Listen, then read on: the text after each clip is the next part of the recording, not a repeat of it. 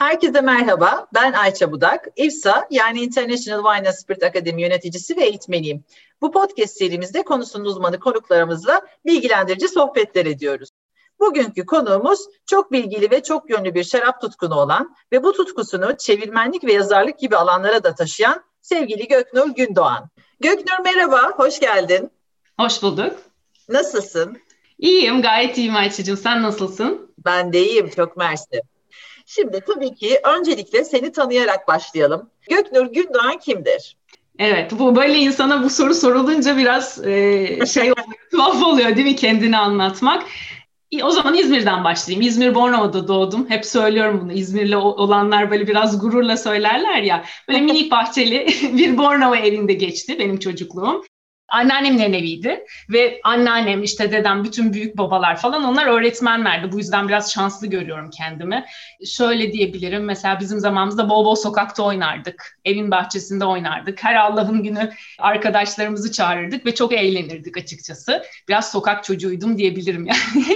Hava güzel, insanlar güzel. Güzeldir ya işte İzmir. Ee, evet, Öyle bir şey. Ya Çocukluğumuz gerçekten güzeldi. Haklısın. Güzel bir yere değindin. Şimdi mesela ben hiç eve girmezdim akşama kadar. Çok net hatırlıyorum. Eminim sen de öyleydin. Şimdi kızımı korkuyorum kapı önünde bile benim gözetimim altında olmadan e, tutmaktan ama neyse yani başka başka meşgalelerim çocukların deyip yuvarlayalım konuyu. Evet evet.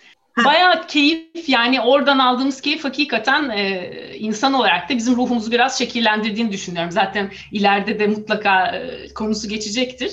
Aile olarak şeye önem veriyorum onu söylemek isterim. Hepsi köy enstitüsü mezunuydu. E, birazcık bu toprak evet merakı işte köy merakı doğa merakı belki de onların aşıladığı bir şey. İdealist insanlardı. Dedem mesela çok çalışkandı ve toprağa aşıktı. Böyle sabah çıkardı 6'da gece işte çok geç geç dediğim yani 6'da 7'de eve dönüp hemen bahçenin başına geçip çok güzel bir bahçe yaratmıştı mesela. Ayvalık'taydı onun bahçesi. Onu hatırlıyorum. Onları izleyerek büyüdük ya Ayça. Değil mi? Değil mi? Evet. evet. Yani evet dediğin gibi aile kısmı hakikaten önemli. Bir de seninki nadir. Hani köy enstitüsü mezunu evet. bir anne babaya sahip olmak inanılmaz. Evet dedeler daha doğrusu. Pardon, Annemler. Özür dilerim, özür dilerim. Evet evet. Peki sen hangi okullarda okudun? Ya benim e, şimdi frankofon geçmişim var. Bayağı bir frankofon ama ailede kimse frankofon değildi. Tabii bu biraz şey kalimero oluyorsun. Kalimero siyah civciv. Çünkü herkes bambaşka bir kültürden işte Anadolu Lisesi mezunu falan. E, fakat dedim ya benim biraz aklım havadaydı. Sürekli oyun oynayayım işte hep bir hayaller gruplar kuralım, bir şeyler yapalım. Kesinlikle yani herkes ailede öğretmen olmasına rağmen beni böyle masa başına oturtup test çözdüremiyorlardı. En büyük sıkıntı buydu. Tam bir havai çocuk. Niye dersen anlamsız geliyordu. Bilmiyorum belki sen de gözlemliyorsundur şimdi kızınla. Ee, böyle test çözmek, şıkların ortasında olmak ve böyle nefret ettiğimi hatırlıyorum ve şey şikayet ediyordum sürekli. Hele böyle o çocukların birbiriyle yarıştırma hali bizim dönemimizde çok yoğundu. Evet, Ay, yani, evet ya. E, işte o o kadar puan almış falan. Neyse e, ne oldu? Tabii ben Bornova Anadolu Lisesi'ne giremedim. Bizim bütün ailenin dayı, baba, anne hepsi oradan mezun. Büyük bir fiyasko oldu. Vay efendim Göknur nasıl giremez bala? İşte e, maddi zorluklar var öte yandan. Yani öğretmen memur ailesi sonuçta bunlar Böyle Hı-hı. aşırı varlıklı bir e, aile durumu da yok. E ne olacak? Özel okulu kazanırsa nasıl okutulacak orada vesaire. Bir sürü ekonomik pa- parametre vardı sonuçta. Fakat anneannem e, Nermin Dökmeoğlu'nun üstün çabaları sonucunda bir şekilde ben San Jose'e kapağı attım. Ortaokulda. Evet. Yedekten ama o da yani. Böyle zorlaya zorlaya. Ve şey çok sevdim fakat okulu. Ee, çünkü çok keyifliydi, çok farklıydı ve burs aldım. Orta birinci sınıftan itibaren burslu okudum. Zorlandık tabii ilk yıllarda öyle kolay değil. Hep söylerler aman Fransızca çok zordur falan diye ama e, tabii o zaman 8 yıllık sistem vardı. Şimdi 4-4-4 böldüler ama e, 11 yaşında giriyorsun. İşte bilirler İngilizce, Almanca öğrenenler de. Biz bitirdiğimizde liseyi o dönemki çocuklar aslında e, şeyi hatırlıyorum ya mesela işte Jean-Jacques Rousseau'yu tartışacak, efendim bir Chateaubriand metnini analiz edebilecek seviyede bir şeye sahiptik e, wow. altyapı, dil bilgisine. Şimdi öyle değil. Yani konuşuyorlar elbette ama o kadar derine inecek zaman kalmıyor. Bir de şey diyeceğim biraz övmek gibi olmasın ama benim ruh halime sahip çocuklar için e, buralar biraz şey gibi cennet gibi alanlar. Neden? Bir sürü işte bilim kulübü vardı, sanat, edebiyat, dans, felsefe. Yani 50 tane böyle farklı alanda çocukların ilgisini çekebilecek şeyler sunuyorlardı. O da çok iyi geliyordu yani bizim tipte çocuklara. Tabii. Bu liseydi yani. Sonra işte lisede e, pardon İstanbul'a taşındık. Saint Michel'e geçtim. Yine başka bir Fransız okulu. Orada da çok yine keyifli bitirdik. Liseden sonra da işte ben şey istiyordum. O zamanlar yeni açılmıştı Sabancı Üniversitesi. Şimdi de hani çok güzel e, işler başarıyorlar. Evet. Çok keyifle izliyoruz. Fakat orası da özel. Kaderin cilvesi. ee, yani burslu kazanmam gerekiyor sonuçta. Ve ben e, maalesef böyle iki puan gibi çok ufak bir puanla kaçırdım orayı. Hmm. E, çok da üzüldüm. Görsel iletişim tasarımı okumak istiyordum bir şekilde şeye gittim sonra. Yani ni, niye dedi yani orayı kazandın niye Frans şeyde İstanbul'da okumuyorsun, Sabancı'da okumuyorsun dediler ama Fransa şöyle bir şey uyguluyordu. Hala da uygular. E, giden her öğrenciye ister Arap olsun ister Türk olsun belli bir oranda e, sana yaşam desteği veriyor. Yani hmm. ev kiranın mesela yarısını ödüyor Fransa. Sosyal Vay, devlet olmanın gereği. Tabii. E tabii bir hesapladık annemle ya benim İstanbul'da herhangi bir üniversitede da iyi bir özel üniversitede okumamda yarı fiyatına geliyor. Fransa'da okumak. Yani o, o dönemlerde tabii euro bu kadar yüksek değil. Parantez. Kapa parantez diyelim. Buna tercih ettim. Paris'te benim işim olmazdı. Niye? Yani hiç Sorbon falan yazmadım. Çünkü deniz. Acayip Ege çocuğu, Akdeniz çocuğu. Hı hı. Yani ben deniz olmayan yerlerde çok e, sevmiyorum. Hep güneyden seçim yaptım ve Montpellier'e gittim. Orada da işte üniversitede e, okuduğum bölüm benim iletişim medya aslında. Neden dersen biz tabii 80'ler Özal gençliği kafasıyız. Ee, işte Hı. daha çok hani nereden acaba yırtarım, nasıl bir geniş skalaya hitap edebileceğim bir mesleği yapalım falan diye mecbur iletişim medya seçtim ama e, bir yandan da kalbimde şey var, gösteri sanatları, sinema okumak. Ama şey Hı. diyorlar, iş bulamazsın Göktur işte canım okuyacaksın sinemada ne olacak vesaire gibi şeyler var. Biz dedik eşeğimizi sağlam kızlığa bağlayalım. ee, ve sonunda işte iletişim medya fakat güzel bir şey oldu. Orada rektörlük not ortalamasına göre çift anadal yapabilirsiniz izni verdi şeylere, öğrencilere. Hop ben not ortalaması bir şekilde tutturdum ve şey de aldım. Çift anadal olarak sinema ve gösteri sanatlarına da yazıldım. İşte lisans, yüksek lisans falan hepsi Montpellier'de, Güney Fransa'da yani.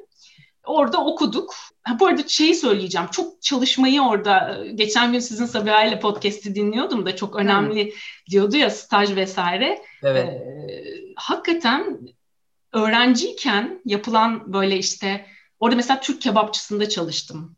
Efendim evet baya böyle kebap o otomatik şey aletleriyle kebap kesiyorduk. Mesela eve dönüyorsun leş gibi döner kokuyorsun falan. böyle şeyler. Fuar kongre organizasyonları, işte gazete dağıtımı, efendim tamam daha nitelikli diyebileceğimiz çevirmenlik vesaire gibi irili ufaklı pek çok işte çalışmaya gayret ettim. Çok şey öğrendim ve çok keyifliydi. O işte stajlar, farklı alanlarda böyle işler falan. Ardından da işte master bittikten sonra bir şekilde kendimi kültür yönetimi doktorası yaparken buldum. O da yine Türkiye ile Fransa arasında bir anlaşma vardı. Kotütel anlaşması. İki üniversite seçiyorsun kendine. Fransa'da ve Türkiye'de. Ortak tek bir tez yazıyorsun ve bu yapı üzerinden iki üniversiteden de doktor ünvanı alıyorsun ama tek bir tez savunuyorsun. Hmm. Ben de kültür yönetimi yani culture management dediğimiz şey üzerine doktora yaptım. E, ve yani çok sağ olsunlar. Hani ismini ben üniversite olduğu için almakta bir şey e, görmüyorum. Umarım hani uygundur. E, hem Montpellier Üniversitesi hem de İstanbul Bilgi Üniversitesi ve o dönemdeki rektörümüz çok değerli Aydın Uğur hocam test projesine çok inandı ve sevdiği için burs verdi. Tam burs verdi bilgi. Yoksa tabii öyle özel üniversitelerde doktora falan çok ciddi şeyler.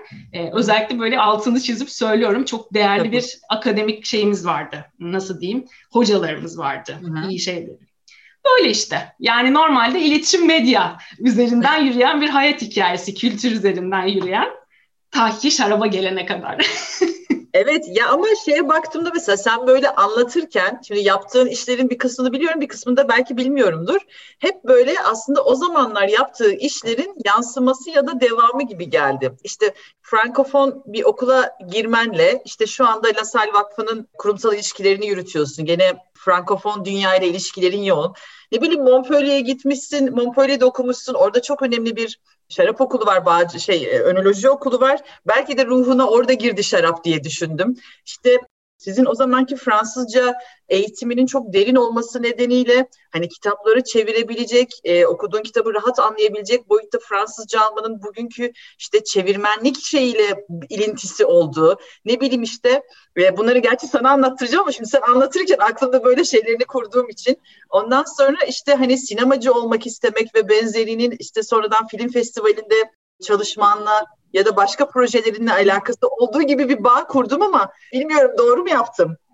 Öyle yani öyle çok evet çok farklı şeyler buradan evet festival mesela işte sinema bu festivalle ilgili bile aslında buradan geçip bağcılığa ve şarapçılığa nasıl bağlanır bir insan dediğimde sen biraz sohbet ederken aklıma geliyor aslında bir mantığı var dediğin gibi. Şimdi biraz belki onlardan mı bahsetmek lazım? Yani evet, Senin şimdi tanıyanlar e, üç aşağı beş yukarı biliyorlardır hani senin böyle dokunduğun, çalıştığın alanları. Ya yani o zamanki çok gönüllülüğünü sen bugüne de taşımışsın. Ben öyle hissettim.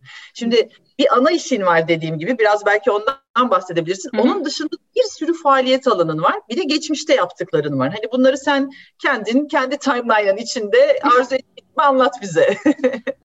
Yani ana evet ana iş derken şöyle diyebiliriz. Bir tane insanların ihtiyaç duyduğu benim hep çok güldüğüm beyaz yakalı ünvan ihtiyacı diye bir şey var ya Türkiye'de. Nesin kızım sen ya da nesin hanımefendi sen diye böyle sorarlar. Evet, beyaz yakalı ünvan olarak baktığında işte kurumsal iletişim direktörüyüm ve biraz önce de e, ismini andığın La Salle Eğitim Vakfı'nın Türkiye'deki Fransız eğitim kurumları için ben uzun süredir bu işi yürütüyorum. Hala da kısmen yürütüyorum ama çok daha e, nasıl diyeyim sorumluluklarımı hafiflettim. Çünkü başka Hı-hı. işler yapmak istiyordum. Yani işte e, üç okul bendeyken şimdi bir okul e, benim sorumluluğumda gibi gibi. Hangisi? Saint Michel Lisesi. Hı-hı. Kendi okuduğum lise. Yani onunla gönül kopmadığı için, kopamadığı için şey yapamadım yani. E, çok da seviyorum yaptığınız işleri orada. Ama özünde e, yahu hanım sen ne işsin diyenlere ben sadece şu cümleyi söylüyorum. Ben bir hikaye anlatıcısı ve aktarıcısıyım diyorum. Benim en sevdiğim, yapabildiğime inandığım iş bu ya o da nedir diye soruyorlar tabii. Aslında tabii. bu senin mesela yan işler dediğin kısım. Yani işte yazmak, çevirmenlik yapmak, işte Fransa'da kurduğum minik bir danışmanlık ve tasarım şirketi var Pantagruel. Onun çerçevesinde hem yabancı hem de Türk dostlara işte üzümlerin, şarapların hikayelerini anlatmak, atölyeler organize etmek ve mesela bu hikayelerle örtüşen tasarımlar yaratan yetenekli insanlarla çalışmak bu hikayeleri belki anlatmak için o sevimli üzüm karakterlerimizi yaratmak. İşte Emir, Kali, evet gösterdiğin gibi Narince, Kalecik Karası gibi bu ürünleri tasarlamak gibi gibi. Ve ben son 3-4 yıldır bu beyaz yakalı işimi biraz hafifletip kendimi daha çok yazmaya, şarap ve kültür işlerimle ilgilenebileceğim bir alan yaratmaya e, yönlendirdim. Çok yorucu. Çünkü insanın kafası tabii beş parçaya bölünüyor. Evet. Ama yaş yaş aldıkça, e, hayat yolunda ilerledikçe uygun koşullar oluşturunca tüm zamanımı asıl özüm dediğim bu işlere ayırabileceğimi ümit ediyorum. Buradan şeyi bir de söylemek istiyorum aslında. Şu festival olayına dönersek festival neden önemli? Çünkü oradan bağlara bağlayacağım. ee, tamam. Şimdi yüksek lisans sırasında e, bir Avrupa Film Festivalleri koordinasyonu vardı. E, o dönem Hı. bayağı meşhurdu. Bütün işte bizim Türkiye'deki İKSV'ye bakar, işte diğer festivalleri inceler. İstanbul'da bir İF İstanbul Bağımsız Hı. Filmler Festivali evet. diye bir festivalimiz vardı. Şimdi gerçi biraz değişti, devam ediyor ama o yani asıl İF. E, ben de 21 yaşındayım, 22 yaşındayım bir gün bir haber geldi işte Türkçe konuşan, Fransızca efendim bilen, e, sinemayla ilgili daha önce festivallerde çalışmış bir gözlemci arıyoruz. Niye? Bir de para vereceğiz üstüne. Hani stajyere o da çok güzel bir şey. Tamam buyurun. E, çünkü İF İstanbul'u İstanbul'a göndereceğiz sizi. E, şey diyeyim ben Fransa'da master yapıyorum o zaman. Tamam. Gözleyeceksiniz, bakacaksınız ve bunun sonucunda da festival bu koordinasyonu kabul edilecek. İşte efendim yaptığı etkinlikler değerlendirilecek. Şimdi Pelin Turgut ve Serra Cilif. Ben bu isimlerini e, sevgiyle özlemle anmak istiyorum. İki tane kadın direktör bunlar o zaman festivalin hmm. direktörleri, e, yaratıcıları ve hiçbir devlet, kamu kurumu, vakıf desteği falan olmaksızın inanılmaz yenilikçi bir e, festival yaratıyorlar İstanbul'da ve Avrupa'daki kültür mercileri bu girişimi büyük bir takdir ve merakla izlemeye başlıyor. Ve şey yolluyorlar işte benim gibi birini bulup stajyer yolluyorlar. Ve ilk SSK'lı işime de ben İF İstanbul'da girdim. Çok önemlidir bu SSK'lı iş. Evet şeyin var mı? E, emekliliğin var mı? Anne şey detayı Tabii. Evet. Kızım sigortalı mısın? Evet. Artık sigortalıyım diye. İF İstanbul'da e, önce gözlemci oldum. Sonra işte Pelin ve Serra ile çalışırken e, bana iş teklif ettiler bu gözlemin sonunda. Ve bir şekilde ben izin alıp Fransa'daki yüksek lisans hocalarımdan e, aslında çalışmaya başladım 22 yaşında. E, sadece sınavlara gidiyordum Fransa'ya. İstanbul'a geldim, yerleştim ve işte 3 yılın sonunda o festivalde genel koordinatörlük görevini verdiler bana. Çok da mutlu oldum tabii. Bizim o dönem espri mahiyetinde hep söylediğimiz bir söz vardı. Ömrünü bir festival tadında yaşa. Ki bu şimdi çok klişe tabii yani herkes söylüyor ama bu ne demek? Şimdi festivale baktığında bu festival bir bütün. Mutluluk kürü gibi bir şey Ayça. Ee, çok farklı etkinliği bir araya getiriyorsun. Ve rutini tam anlamıyla kıran bir zaman aralığı yaratıyorsun insanlar için. Ve nasıl anlatsam sana işin başındaki kişiler için aslında mesela e, çok iyi bir restoranı yönetmek de bana festival işi gibi geliyor.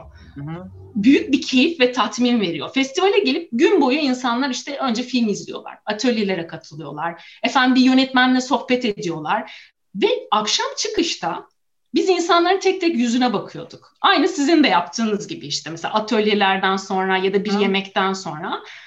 Ve ne biliyor musun tatmin? İnsanların yüzüne yerleşen içten gülümseme. O sahici gülümsemeyi evet yakalayabilmek dünyanın en büyük ödülü. Ya benim için ve bizim gibi düşünen insanlar için. Ve yaptığın işten mutlu olmayı, işini sevmeyi, bir şeye, bir işe yaradığını hissetmeyi ben festival yıllarında öğrendim. Yani festival tadında yaşamak sözü süper klişe şimdi. Bir sürü reklamda da kullanıldı ama bundan 20 sene önce bambaşka bir anlam taşıyordu. İşte o zamandan beri ben de becerebildiğim ölçüde rutini kırmayı bu nedenle çok seviyorum. Yani rutini kıracak işler yapmaya çalışalım. Farklı olsun, insanların hmm. yüzünde gülümseme olsun gibi gibi. E, o yüzden biraz bu festival şeyine e, uzattım diyebilirim şimdi anlatırken. E şimdi düşününce hakikaten o zaman İvsa, İvsa'da gerçekten festival gibi. evet, yani. evet. Kesinlikle İRSA da o kadar çok yönlü ki etkinlikleriyle işte atölyeler bir yandan işte tadım farklı bir şey podcastler belki listeler Spotify listeleri yani Hı-hı. bir sürü şeyi bir araya getiriyorsun ve çok güzel. Çünkü her birin bir şeyi tamamlıyor. Puzzle gibi yani. Boş boşluk bırakmıyorsun. Festival o yüzden ilginç bir kavram. evet gerçekten başka bir kapı açtın şimdi sen festival deyince. Peki senin bir de aslında yazarlık tarafın da var. Hani bu kadar işin arasında bir de yazarlık tarafın da var.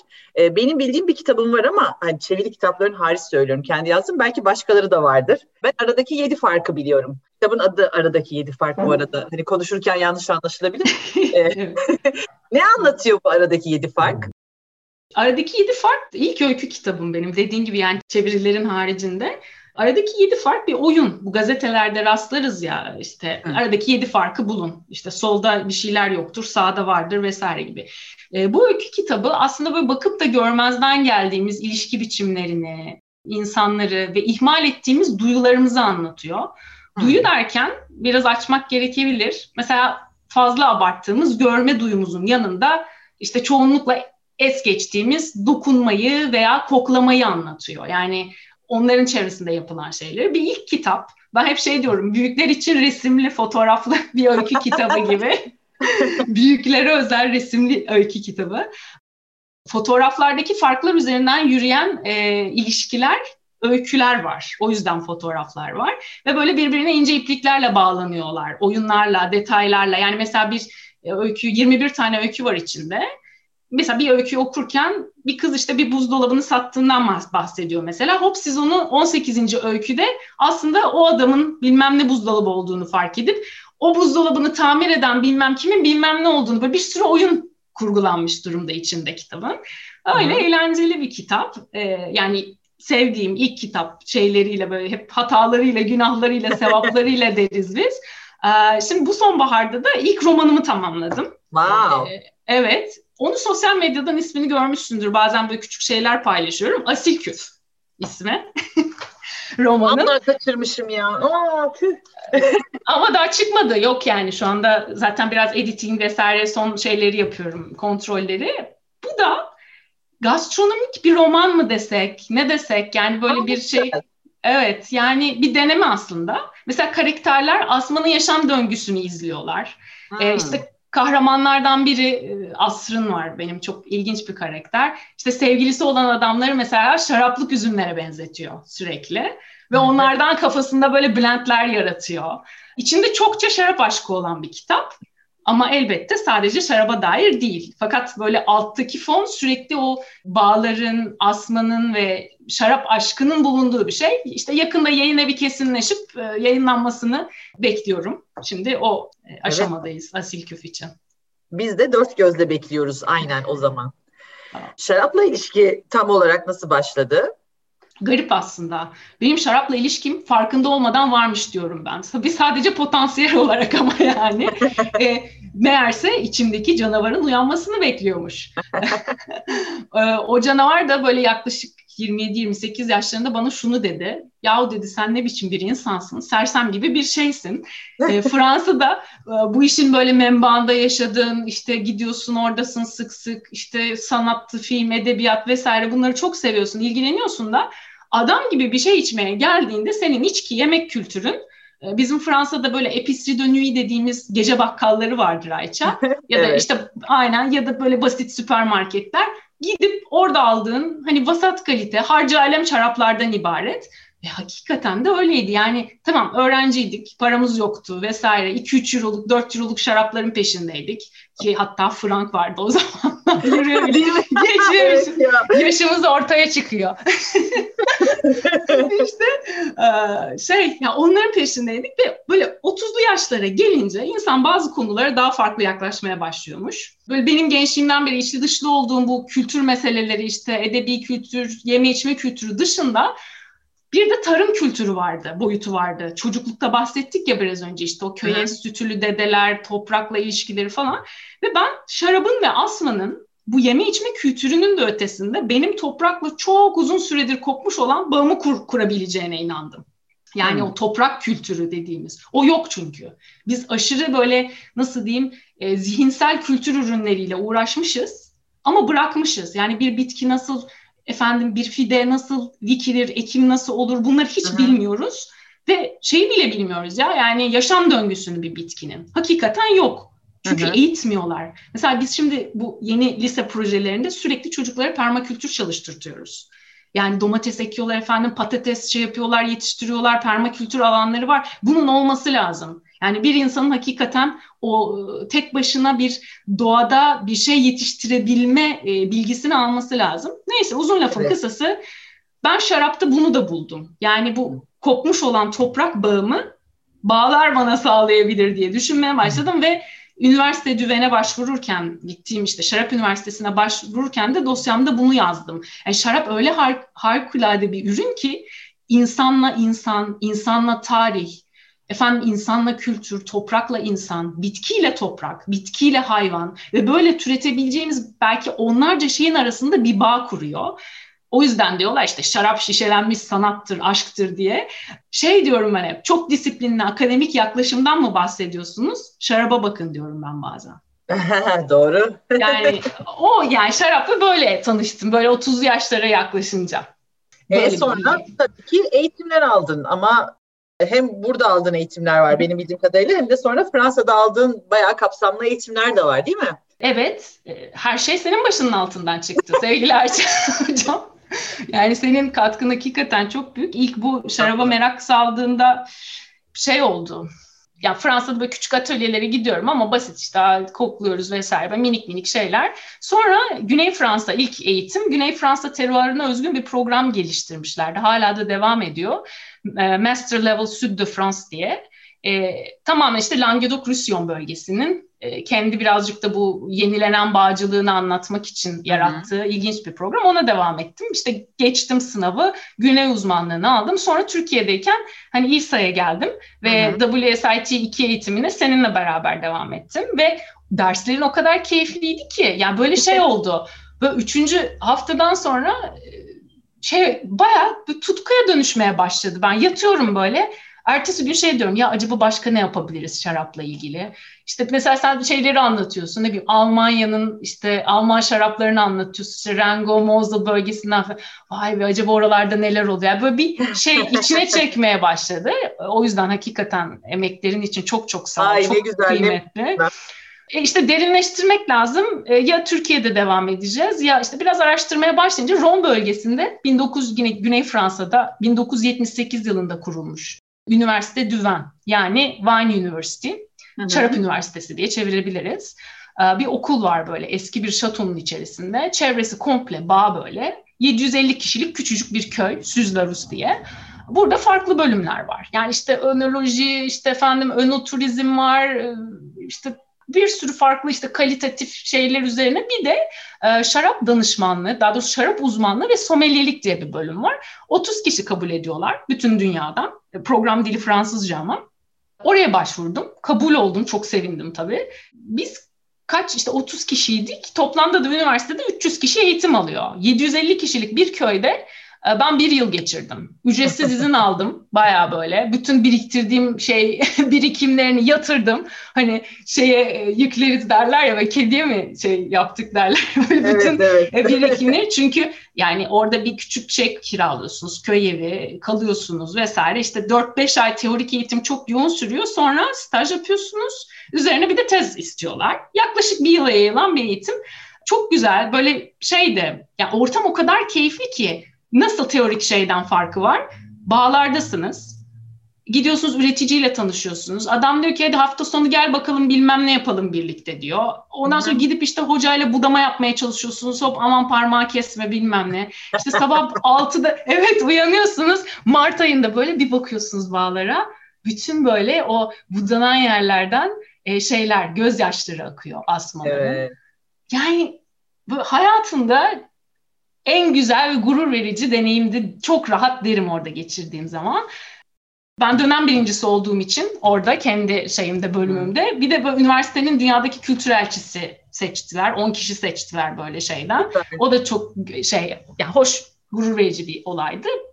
Öyle yani en son eğitim o ama tabii devam ediyor yani eğitim hiçbir zaman bitmez şeyi de söylüyorum hep bizim mesela o üniversitede eksik bulduğum ne vardı? Evet toprak bağı, şey Fransa derinine indik, Avrupa bağları falan. Ama mesela bizim oradaki eğitimleri şu anda daha da geliştiriyorlar. Daha böyle daha yeni dünya şarapları vesaire mesela o konuları şey diyorum hep arkadaşlarıma WSIT'nin ileri seviyelerinde daha şey işliyorsunuz, hmm. detaylı işliyorsunuz. Mesela onu tamamlamak gerekiyor. Çünkü hani her programın güçlü ve şey zayıf yanları vardır ya. Bizim oradaki güçlü yan çok pratik ve birebir toprakla, üreticiyle ve evet. şeyle iç içe olmasıydı. Böyle bir eğitim en son. İşte sonra da yavaş yavaş atölyeler vesaire. Onlarla hala çalışmaya devam ediyorum zaten şeyle, üniversite düvenle. Evet, evet şey görüyorum bazen çok güzel şeyler yapıyorsun. Onu da soracağım şimdi. Çevirmenliği konuşmayı unuttuk. Bir tane e, çeviri kitabın var. E, Kim Korkar Şaraptan. Onun içeriğini anlatır mısın bize birazcık? evet. Şimdi burada e, biraz eğleneceğiz bence. Şey, e, Kim Korkar Şarap'tan eğlenceli bir şarap genel kültürü kitabı. E, güzel bilgiler. Hatta hatırlarsın belki ilk elimize aldığımız getirmiştim birlikte konuşmuştuk. Aa ilginç olur mu hocam sen sen de şey demiştin, ha, yüreklendirmiştin bence çok faydalı olur çevirelim falan diye. Bu kitabın iddiası şu. Şarap herkes için vardır. Bugüne kadar e, Fransızca orijinalinden 20'den fazla dile çevrilmiş ve İngilizcesi dahil hemen hemen tüm versiyonları böyle iki yıl falan boyunca Amazon listelerinde hep en çok satanlar listesinde başta kalmış. Yazarı Ophélie Newman. E, Fransa'da Miss Gulu Gulu diye tanınıyor. Böyle çok renkli ve şarap dünyasında etkin bir kadın yazar. Aynı zamanda Le Monde gazetesi vardır meşhur e, Fransızların. E, onun şarap ekinde de çok büyük emekleri var Ofeli'nin. Bizim burada Kuzguncuk'ta Nail Kitap Evimiz var. Yürekten bağlı olduğumuz çok Ay, sevdiğimiz. Çok güzel orası ya. evet evet yani çok e, zevkli döşenmiş. Erhan Bey ile eşi Seher Hanım çok özeniyorlar. Ekip inanılmaz tatlı. E, Erhan Bey gidip ben eseri gösterdim çok içeriğini çok sevdi ve potansiyeline inandı. Ya dedi tamam çevirin basalım da bunu. Çünkü şey bir kitap yani işte hardcover, kalın kapak, e, maliyetli de bir şey. Herkes öyle gözünü karartıp girmiyor her yayın evi.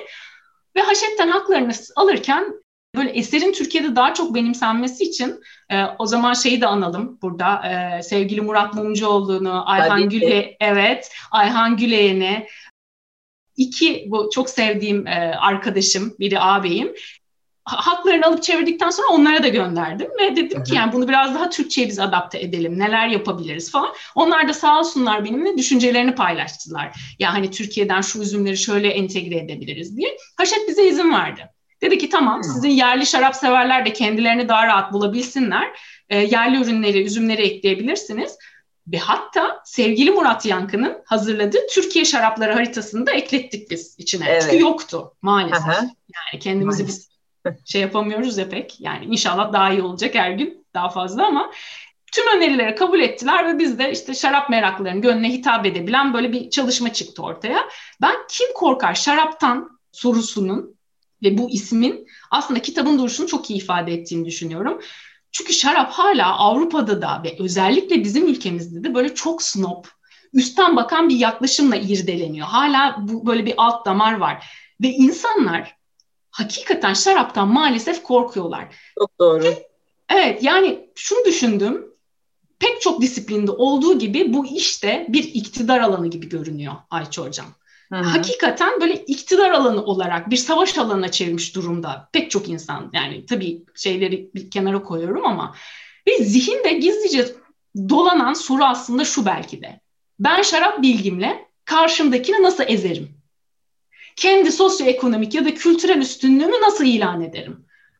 Yani burada eleştiriye giriyoruz artık. Bunu söylememiz lazım. Hepimiz biliyoruz aslında bunu. Ama böyle yüksek sesle söyleyip tane tane anlattığımız zaman daha e, sindirilebilir oluyor diyeyim. Çünkü Ayça Hocam sen de ve birçok genç şarap profesyoneli dostumuz da aslında bu saçma eski ekol anlayışını kırmak için çalışıyoruz yani. Aynen öyle. Aynen öyle. Hala var, değişiyor. Dediğim gibi biraz eleştirici olacak ama olsun. Mesela ülkemizde şununla hala karşılaşıyoruz biz. Fransa'da da karşılaşıyoruz bu arada. Atıyorum Almanya'da da vardır Hı-hı. eminim. Böyle kendisini şarap gurusu ilan eden tuhaf insanlar var. Geliyor mesela Efin, tabii tabii geliyor. Efendim şaraptan öyle herkes anlamaz. Şarabı öyle herkes içemez. İşte sen bilmezsin bu iş bir uzman işi. Ben dünyada nereleri gezdim, neler neler tattım. İşte şu etin yanında bir şato latour olacaktı ki he heyt falan. yani, yani bunu diyenler karşısında bir kadın ya da adam nasıl korkmasın? Tabii ki de, tabii ki de. Yani şey konusunda haklısın hani bu kadar snoplaştırmanın alemi yok bir içkiyi. Tamam evet arkasında çok ciddi bir kültür var. Çok eski bir denilecek çok şey var. Hı hı. Ama insanları bundan korkutarak yaptıkları şey aslında hani bu işte Roma döneminde, antik Yunan'da filan da hep böyle şarap asillerin içkisiymiş şey var ya sanki o geleneği sürdürmeye çalışıyorlarmış gibi geliyor bana. Hani siz sefil köleler içemezsiniz. bu sadece bizlerin içkisidir. İşte etin yanına da olacaksa dediğin gibi latur olur, hadi bilemedin margo olur filan gibi böyle hani aşırı derecede snob şeyler. E, o yüzden söylediğin kitabın hani hizmet ettiği şey de çok çok doğru bir nokta yani. Bu kadar snoplaştırmaya gerek yok. Anlaşılmayacak bir durumu da yok. Yani mesela hani bizim öğrencilerimiz arasında doktoru da var, avukatı da var, mühendisi de var. Bir sürü insan var. Baksana dünyada eminim her şarap okulunda benzeri profilde insan vardır. Yahu adam doktor olmuş, insan bedenini çözmüş. Niye şarabı çözemesin? Hani sen niye alıp bunu buraya taşıyorsun? Hani bu boyuta getiriyorsun. Basitleştir, herkes öğrensin. Herkes öğrenince zaten korkulacak bir şey olmadığı anlaşılır ve insanlar daha çok yakınlaşırlar. Anlayarak içmek çünkü e, kıymetli bir şey. O zaman sorumlulukla da tüketiyorsun. Sadece Tabii. alkol almış olmak için almıyorsun o zaman. Hani birkaç alanda faydası var. Neyse ben böldüm özür dilerim. yok yok çok ayrıca kesinlikle aynı şeyleri düşünüyoruz ve çok doğru yani şaraptan değil bu yaklaşımdan korkmuş, yılmış, sinmiş insanlar senelerdir. Yani mesela böyle Fransa'da da gidiyorsunuz böyle şarap menüsü işte kartta var şarap menüsü geliyor eline geriliyor insanlar. Böyle bu bak sommeliye'ye bakıyor. Ay söylesem buradan böyle boncuk boncuk terler akmaya başlıyor. Acaba doğruyu seçecek miyim? Yani kim korkar şaraptan bir bakıma bu anlayışla böyle tatlı tatlı dalga geçen aslında ve herkesin biraz gayretle elbette ki çalışarak öyle hiçbir şey bedava olmuyor ve böyle farklı ürünleri deneyerek iyi bir şarap sever olabileceğini anlatan bir kitap. Kesinlikle. Başlangıç kitabı olarak çok çok şahane bir kitap kesinlikle. Şaraba başlamak için. Hani bunu e, çok basit bir kitap olduğunu anlatmak için söylemiyorum. Şarabı anlayarak öğrenmek için, dilinden sebep başlamak için çok doğru bir kitap olduğunu söylemeye çalışıyorum. Sadece yanlış anlaşılmasın. Yok Peki. yok tabii. Şimdi şarap konuşmaya başlıyoruz o zaman. Daha başlamamıştık bu arada yanlış anlaşılmasın. Burada kapatıyor insanlar. Yeter artık. Senin Fransa ile ilişkilerin çok yoğun. Hani deminden beri zaten dinledik. Ta şeyden işte okuldan başlayan frankofonlukla beraber sonra oraya gidip okumakla beraber ne bileyim film festivalinin Türkiye'deki elçisi olmakla, üniversite düvenle okulun elçisi olmakla başlayan yoğun bir ilişkin var. Tabii şaraplarıyla da doğal olarak. Fransız şarap bölgelerinden hangisi favorindir ve neden? Evet, tuzak soru geldi. Böyle şey elim titriyormuş. Ee, şey aslında şey e, düşünüyorum tek değil birkaç favorim var. Hepsi farklı nedenlerden. Hemen ben de kaçamak cevap vereyim. Tek değil diye. Ee, öncelikle Burgonya elbette. Neden? Çok derine ve kadim çok derine indiği ve böyle bir kadim felsefeyle çalıştığı için bir beyaz ve bir kırmızı üzümü böyle ince ince oya oya en mükemmel şekilde işlediği için Burgonya her zaman böyle gönül tahtımızda yeri ayrı bir bölge. Sonra Loire Vadisi özellikle şönen hmm. üzümüyle yapılan böyle türlü türlü şaraplarıyla insanı kendine hayran bırakıyor bence. Çünkü mesela şönen bir beyaz olarak yılanabilme kapasitesi korkunç olan bir üzüm. Aynen. İşte birkaç hepimizin çok sevdiği şeyler var. İşte Coule de Serran, Savanier, Rochemouan gibi apelasyonları rekolte yılının üzerinden 10 yıl geçtikten sonra hakkıyla tadabiliyorsunuz. E, bir beyaz için bu harikulade bir olay bence. Çok o şönen kısmı beni çok büyülüyor. Güney Fransa tabii benim küçük tabii. memleketim olduğu için söylemesem olmaz. Orasını da çok seviyorum. Favorilerim yine apelasyon bazında gidersek işte son dönemlerin yükselen yıldızı hep Teras Dülerzak başarılı apelasyonlardan yine şey var. Minerva, La Livinier var. Saint-Chinian var. Ee, orada böyle daha kuzey bölgesine doğru Güney Fransa'nın okyanus koridoru vardır. Orada iki tane apelasyon var. Okyanus etkisini de alan. Bir yandan Akdeniz etkisini alıyor. Bir yandan yukarıdaki böyle e, Atlantik'ten gelen rüzgarı da alıyor. Kabardes ve Maleper apelasyonları var. Hı hı. E, Güney Fransa'da. E, bir de ilginçtir. Bir beyaz larıyla böyle meşhur küçük bir şey, e, apelasyon La Clap. Grenache Blanc, Claret, Marsan, e, Picpoul da var galiba. Picpoul, Roussan, Carignan Blanc, Macabeo gibi birçok beyazı bir arada işliyorlar ve çok ilginç bir e, böyle beyazların incisi diyebileceğimiz La Clap apelasyonu da Güney Fransa'da yine ilginç ve favori diyebileceğim bir alan yani. Şey şimdi genç bağcılar konuşlandı tabii Güney Fransa'ya. Toprak fiyatları daha uygun olduğu için hatta geçenlerde espri yapılıyordu. Ya burada alacağımıza işte toprak gidelim Güney Fransa'da bile alabiliyoruz diye. Böyle şarap meraklıları arasında bir baktım insanlar tutuşmuş böyle şey arıyorlar. Güney Fransa'da toprak işte şey bağladı falan. Gençler alabiliyor. Ekonomik gücü yeten gençler ve orada yenilikçi yaklaşımlar yaratıyorlar. Yerel ve unut, unutulmuş üzümlere yer vermeye başladılar. Böyle hmm. enfes ve kadife gibi karinyanlar daha da sık rastlar olduk orada mesela bir zamanlar böyle harcı alem üzümü vardır. Kimse ismini anmaz. Aramon. Onunla mesela ilginç işler yapmaya başladılar çok farklı. Ne güzel.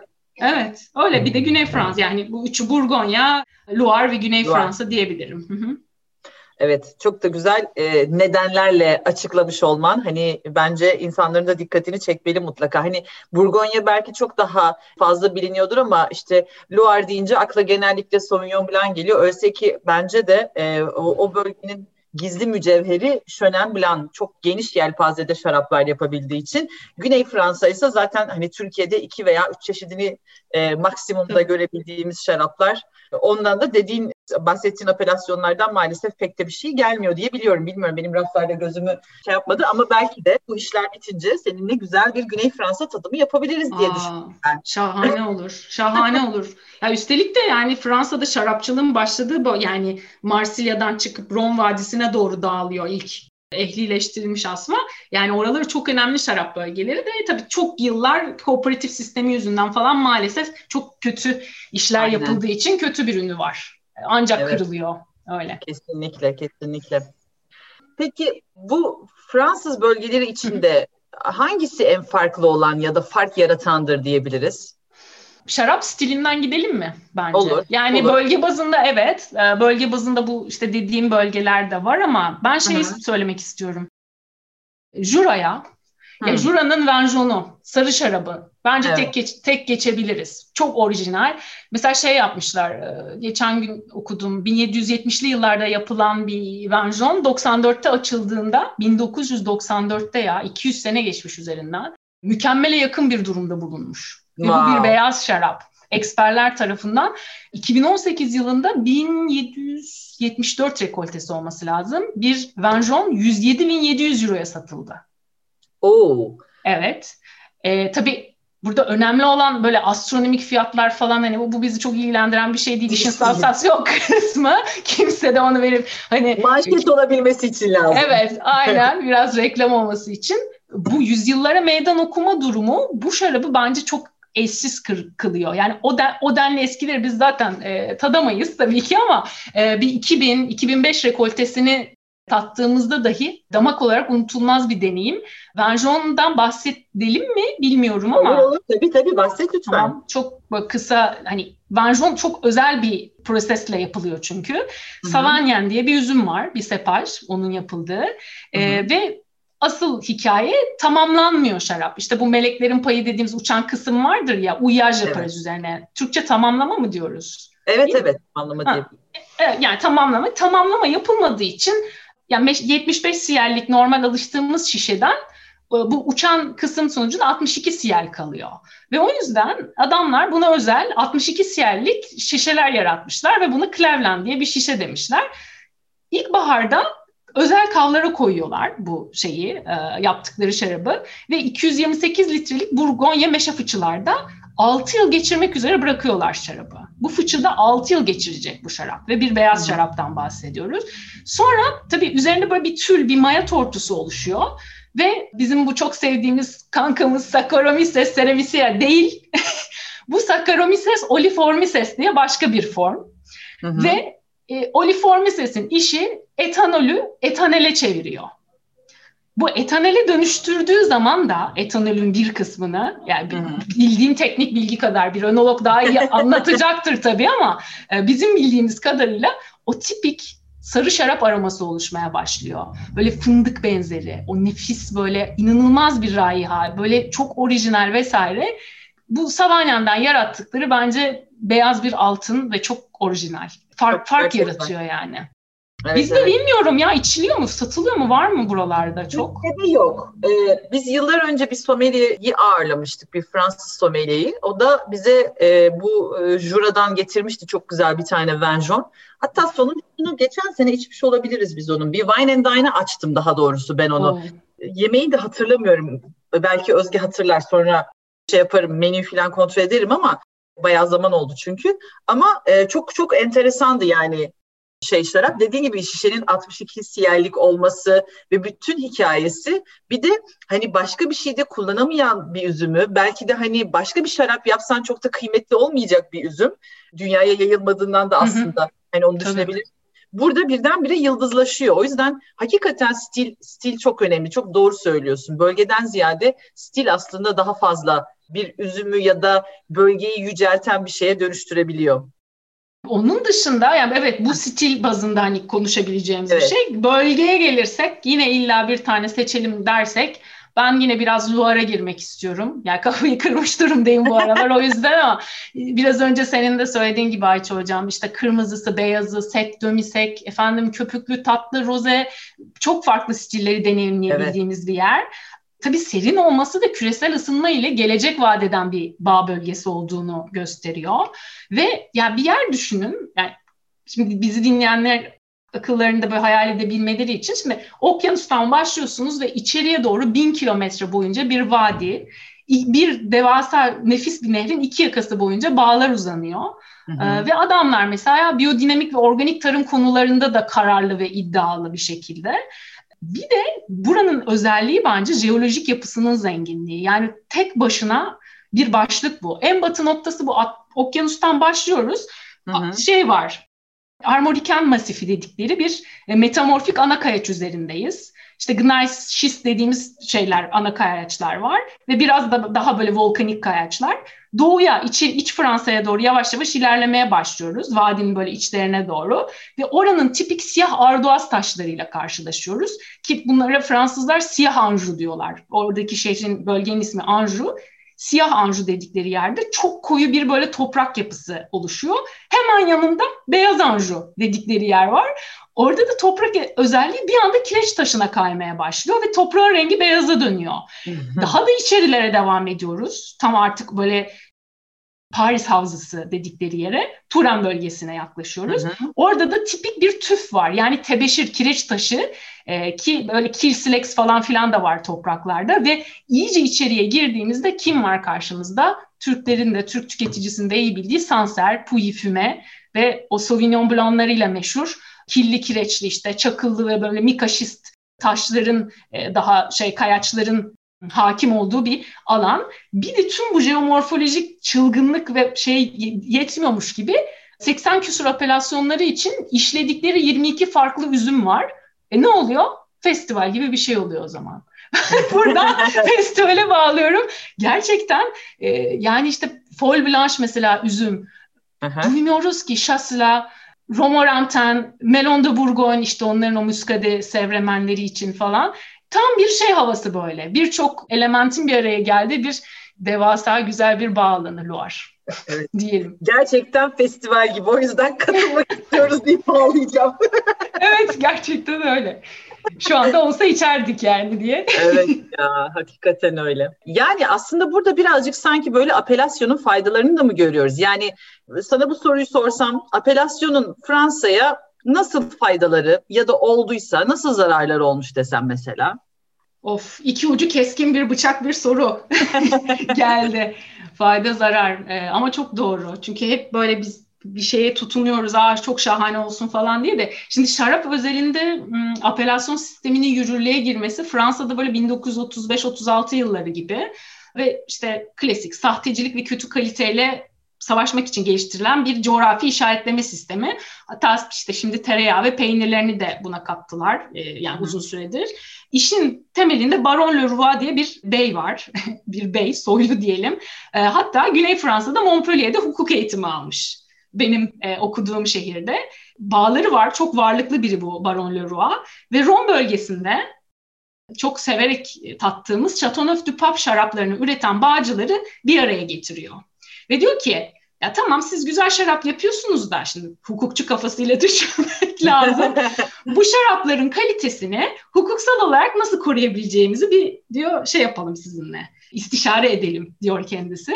Ve buradan yola çıkarak orada yapılacak tarımın tarzı, şarabın işte en az efendim 12,5 derece alkole sahip olması, belli varyetellerin kullanımı, işte rekoltenin mecburi olarak ayıklanması gibi gibi böyle bir sürü kural koyup bir model yaratıyorlar ve bu yarattıkları model ülkenin diğer üreticileri tarafından da belli bir kaliteyi garantileyecek, dolayısıyla satışları arttıracak bir yol olarak benimsenip uygulanmaya başlıyor. İşte o şarabın yapılabildiği alanın, coğrafi alanın çok sert kurallarla belirlenmesi. Yani randımanından tutun da teknik defter dediğimiz kayyede şarjlarda bu böyle bir açıyorsunuz kanun gibi işte şunu yaparsan olmaz, bunu kullan, fıt fıt fıt ya inanılmaz restriktif bir şey aslında bu ama Hı-hı. kaliteyi artırıyor. Şimdi Hı-hı.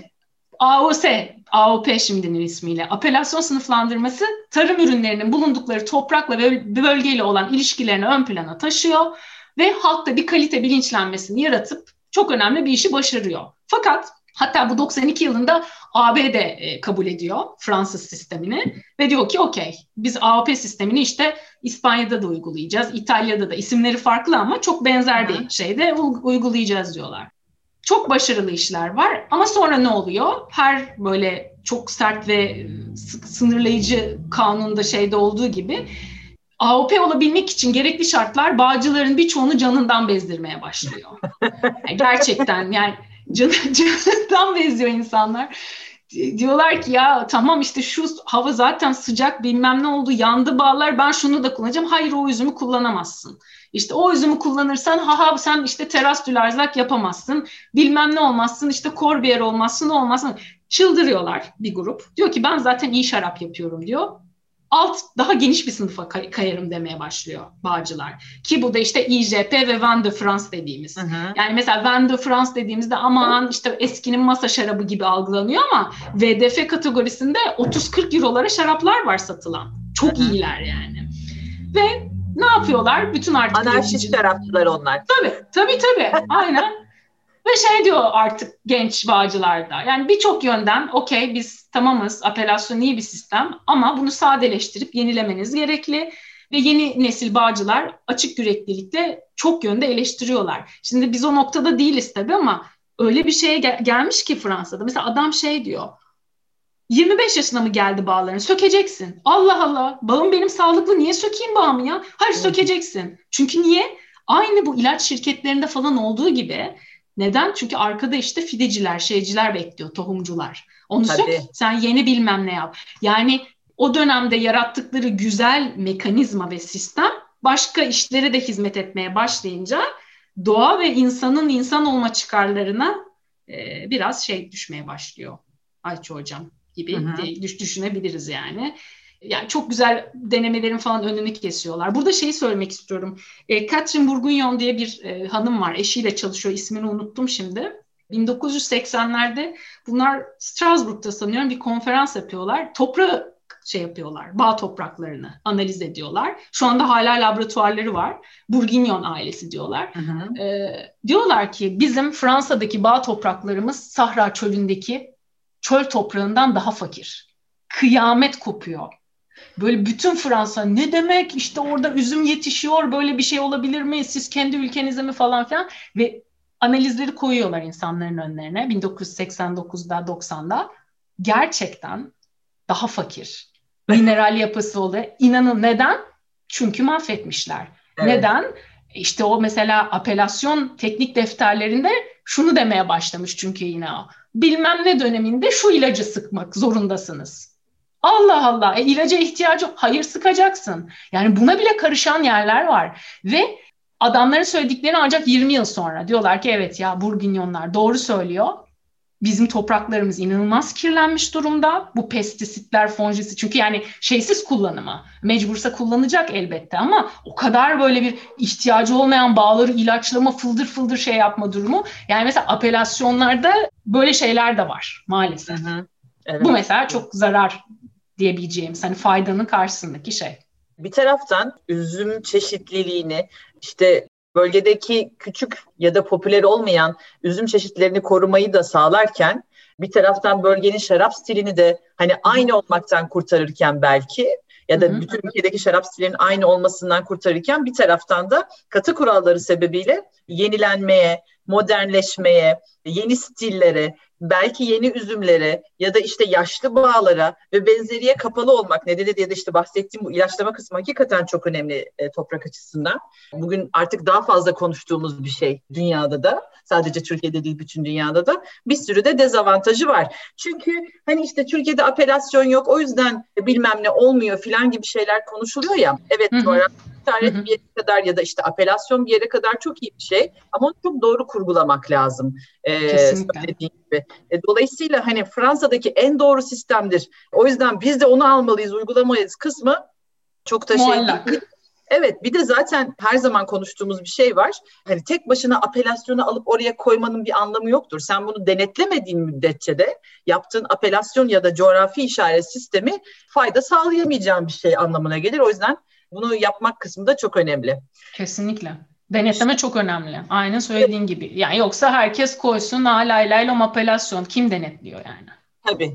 Peki bu arada da Fransa hiçbir zaman dünyada popülaritesini kaybetmemiş. Yani her zaman şarap öğrenen, şarapla yeni tanışan herkes için böyle akılda bir Fransa kısmı vardır mutlaka. Yani ilk akla gelen yer daha doğrusu Fransa'dır şarap deyince. Nasıl böyle popülaritesini koruyabilmiş sence Fransa? Birçok neden olabilir tabii ama benim ilk aklıma gelen neden hep bu soru sorulduğunda çünkü Fransız halkı bağcılık ve şarap üretimini kendi ulusal kültürünün kalbine yerleştirmiş. Adamların mottosu var mesela çok komik. Vin, fromage et grève. Yani şarap, peynir ve grev. Yani adamın mottosu şarap, peynir ve grev. İki gastronomik değerin yanına grevi de eklemişler. İsyan seviyorlar çünkü. İsyan Fransız ihtilali ruhu yaşıyor. Ee, bir de ya evet bu kültürün içine yerleştirmiş, sahiplenmiş ben iyi şarap yapıyorum vesaire değil ki yani ortalama bir Fransız vatandaşını çevirin sokaktan bizim böyle ortalama şarap içen bir Türk vatandaşı. Yani şarabı seven hani böyle eğitim alması da şart değil. Karşılaştırın inan olsun bizden daha cahil. Yani çok ciddi söylüyorum. Adam ne üzüm cinsini bilir falan tutturmuştur. Bir iki kafasında apelasyonu vardır. Ee, ya, hep onu içer atıyorum. Bilmem, ben çok yer seviyorum onu içer. Ya da benim en sevdiğim işte ne bileyim kondriyo, ermitaj başka içmem falan. İçinde üzüm nedir, o nasıl yapılıyor bilmem ne hiç alakası yok. Bizim insanımız daha meraklı. Hı-hı. En azından şimdi ne bileyim son 20-30 senedir diyelim. Bir de ikinci faktör şey herhalde yani endüstriyel ve sektörel anlamda çok ciddiye alıyorlar. Nasıl almasınlar? Fransa'nın ihracat kalemlerine bakıyoruz her yıl biz. Birinci Hı-hı. ihracat kalemi aeronautik yani Airbus'lar birlikte sattıkları. En çok parayı buradan kazanıyorlar. İkincisine bakıyorsun. İnsan şey diyor, kesin Chanel, Louis Vuitton falandır. Değil, şarap. Maalesef üzgünüm. Ee, üzgünüm Monşer ama şarap yani. Ve lüks tüketim malzemeleri ve markalar, kremler, onlar bunlar bunların hepsi daha 3 ve 4. sıralarda yer alıyor. Yani hayat memat meselesi. Bağcılık orada. Değil mi? Değil mi? Hı. Kesinlikle. Ya şey kısmı çok enteresan gerçekten. Neden insanlar fazlasını öğrenmemeye, öğrenmeye çalışmamışları? Yani çünkü kültürün bir parçası dediğin gibi. Yani hayatın o kadar içinde var ki orada. O yüzden ekstra öğrenmeye ihtiyaç duymuyorlar belki de. Bunu ben bizim şeye benzetiyorum. Mesela biz de şarap öğreniyoruz çünkü o kadar hayatın içinde ve kültürün içinde değil gibi geliyor bana. Ya da işte ne bileyim WST'nin İngiltere'den çıkmış olması da aslında hani onun içinde olmamakla alakalı öğrenme ihtiyacı e, duyuyorsun. Hı hı. Ama mesela bizim de öğrenmediğimiz şey rakı. Yani konuyu oraya getirmeyeceğim ama o kadar de hayatın içinde, kültürün içinde ne bileyim eski filmlere baktığında, dizilere baktığında, müziği dinlediğinde, her mahallede olan meyhanesiyle o kadar kültürün içinde ki yani öğrenmeye gerek var mı ki kısmı belki de. Hani o yüzden çok böyle hayatın içinde olan, kültürün içinde olan şeyleri öğrenmemek gibi bir garip direnci olabilir insanoğlunun gibi düşündüm şimdi sen böyle söyleyince. evet yok yok doğru çünkü şey yani rakı ya biz sürekli rakı yani rakı işte ne mezenin yanında gidip de kimse açayım bir beyaz şarap demez Türkiye'de çünkü ya da Aynen. ne bileyim Yunanistan'da da belki şeydir hani uzo. Uzodur tabii. Uzodur. Uzonun efendim anasonu nereden geliyor o yağı buradan mı çıkarmışlar sormaz ki kimse. Sormaz aynen. Dediğin gibi evet biz merak ediyoruz ve daha çok meraklıyız belki. Adam çünkü su gibi bir şey ya. Bebekleri eskiden Aynen. biberonla veriyorlarmış yani. O çok eski anlatıyor eski jenerasyonlar. Şeydi acayip tabii. 100 litre içerken 1968-70'lerde 60'larda diyelim hadi e, Fransızlar şu anda 40 litreye düşmüş. Yıllık hmm. tüketim. Hmm. Kişi başı. Hmm. Çok ciddi bir düşüş bu ve bunu araştırıyorlar. Niye falan filan? Çünkü insanlar bir daha az tüketiyorlar, daha bilinçli tüketiyorlar ve daha iyi şarap istiyorlar. Yani o böyle ayda alalım işte yani öğlen mesela 3 şişe böyle tüketiyorlarmış. Sabah akşam millet kalkıp ya su içmeyen diyor benim dedem su içmezdi diyor ya. Suyu hayvanlara verin falan diyorlarmış. Yani oradan tabii şimdi hakikaten ben hiç öyle çılgın gibi sabahtan akşama içen de Fransız'a çok nadir. Gerçekten hiç rastlamadım diyebilirim yani. Onlar da düzgün bir apelasyon ya da işte neyse şey alıp öyle tüketiyorlar. Yani bilinçli ve kararında tüketiniz. Aynen öyle kesinlikle bilinçli ve kararında tüketiniz. Sorumlulukla tüketiniz. Ki doğru olan da o zaten su içmemek ne demek? Yani alkol ne hangi alkol alıyorsan al yanında iki litre su içmen lazım ki bu bir tıbbi ve bilimsel gerçek yani. Çünkü vücudunun buna ihtiyacı var. Onu vücudundan atmak için suya ihtiyacın var. Başın ağrımasını istiyorsan da o suya ihtiyacın var yani. Su su en önemli şey. Hani alkol alsan da almasan da önemli. Alkol alırken ekstra önemli. Peki tabii ki dünya çok daha da globalleştikçe, işte insanların bilgiye ulaşma hızı çok daha da arttıkça internetle, sosyal medyayla ve benzeriyle Fransız şarapçılığı da bir değişim içine girmiştir mutlaka. Nasıl bir değişim var Fransız şarapçılığında? Azıcık değindin ama birazcık daha belki açabiliriz. Evet çok kısa şunu söyleyebiliriz. Dünya ile aynı yönde ilerliyor aslında. Yani e, organik, biyodinamik tarım uygulamalarına büyük ilgi var. Hı hı. E, efendim bu parkrize dedikleri şaraplar işte klasik yine dönüp dolaşıp adama geliyoruz nasıl etkilediyse her bir sohbette yani şey guru gibi bir şey hakikaten adamın gölgesi. E, aşırı meşe baskın e, parkrize şarap uygulamalarından vazgeçiyor üreticiler geleneksel tarzlarına geri dönüyorlar. Geçen gün hatta işte Levon da söyledi tadımda. Ya dedi Ron Vadisi'nde işte meşe sefilliği gizler diye bir deyimleri var ama adamlar deli gibi meşe kullanıyorlar dedi ki haklı. Hı hı. bu meşe kullanımı bundan 50 yıl önce yokmuş hiçbir zaman. Yani Ron Vadisi'nde yapılan beton küvlerdedir ya. Yani Tabii. beton küvde yaparlar ve e, gösterdiler mesela niye kullanmıyorsunuz diyoruz. İşte şimdi dünya şeyi falan. Ama mesela son 10 yıldır ya yani 7-8 yıldır şeyi fark ettiler. E, ben o Grenache'ımı işte Siram'ı, Murvedrim'i meşe fıçıya soktuğumda aynı şeyi yakalayamıyorum aynı farklılığı. Çok daha böyle bordo, bordomsu vari, bordo vari bir şeye dönüşüyor. Onu mesela bırakıyorlar. Geleneksel tarzları yeniden dönüyorlar. Sırt çevirdikleri yerel sepajları tekrar anlamaya çalışıyorlar. Küresel ısınmaya dayanıklı yeni üzümlerin peşindeler. Hı hı. Bence bu bizim için bir fırsat bu arada dipnot. E, yabani mayalarla çalışmayı tercih edenler arttı. İşte doğal natürel şaraplar konusunda büyük yine merak var. İşte ha, onu da soracaktım. yani ikisini birlikte şey yapabiliriz o zaman. Yani işte amforada veya e, işte pişmiş büyük toprak kaplarda o böyle yarattıkları yumurta dediğimiz özel küvlerde denemeler artıyor. Bir de şey biraz önce bahsettiğimiz bu snob tavır tüketiciyi ürküten, korkutan tavırdan da giderek uzaklaşıyor yeni jenerasyon sommeliерler. Böyle daha içten, kompleksiz sunumlar öne çıkıyor. İşte sadece meşhur bordoları değil, farklı teruarları da keşfediyorlar artık. Ya Fransızlar ki kendi şarapları konusunda nasıl tutucudurlar tahmin Tabii. edersiniz. Yani onlar için şeydir böyle İsviçre İsviçre şarabı mı ne Türkiye'de şarap mı üretiyorsa falan. Hani yok dünyanın merkezidir. Ama artık bakıyorum böyle şarap barlarında bir Yunan şarabını, İsrail şarabını yahut Yeni Zelanda şarabını tatmaya ilgi gösteriyorlar. İlginin ötesinde hoşlarını gidenleri artık marketlerden, kavlardan, butiklerden satın almaya bile okeyler. Ona bile başladılar yani. Ee, nasıl diyeyim? Dünya birbiriyle daha çok yani Fransızlar da açılıyor. Evet dediğimiz gibi yani dünya globalleştiği için trendleri, yenilikleri yakalamaya aslında herkes mecbur birazcık fark edilebilmek için ve yerini koruyabilmek için bazen de yer alabilmek için mecbursun bunların hepsini takip etmeye. Çok Fransa konuştuk tabii ki de. Yani e, misafir Göknur olunca tabii ki de çok Fransa konuşacaktık. Ama Fransa dışında da şarapçılığını beğendiğin ülkeleri öğrenebilir miyiz? Tabii. Ee, Kesin vardır çünkü olmaması var, imkansız. Var var olmaz mı? olmaz mı? Hayır yok falan dermişim. Fransa dünyanın belki. Ee, şey şimdi İspanya benzer şey, sepajlarla da çalışıyorlar Fransızlara yakın ee, ama çok daha iyi ve uygun fiyatlı ürünler çıkarıyorlar. Apelasyon olarak işte yani priorat e, işte Grenache ve Carignan, Shiraz, Merlot ile yaptıkları işte asamblajlar. Hatta biraz böyle Roussillon'u bazı ürünler andırıyor bana orada. Yine Rioha'nın böyle muhteşem Tempranillo ve Grenache evlilikleri. Onlar çok hoşuma gidiyor İspanya'da. Hı. Ve aslında aynı kalitede Fransız şaraplarıyla, iyi Fransız şaraplarıyla ama çok daha ekonomik yaratmaları çok hoş bir durum bence. Ve o yüzden de mesela Fransızları ürkütüyor bu durum. E, çünkü İspanya çok ciddi satış rakamlarında ve dünyaya sattığı şarap konusunda e, ufak ufak böyle ürkütmeye başlıyor. Yani ufak ufak değil bayağı korkutmaya başladı.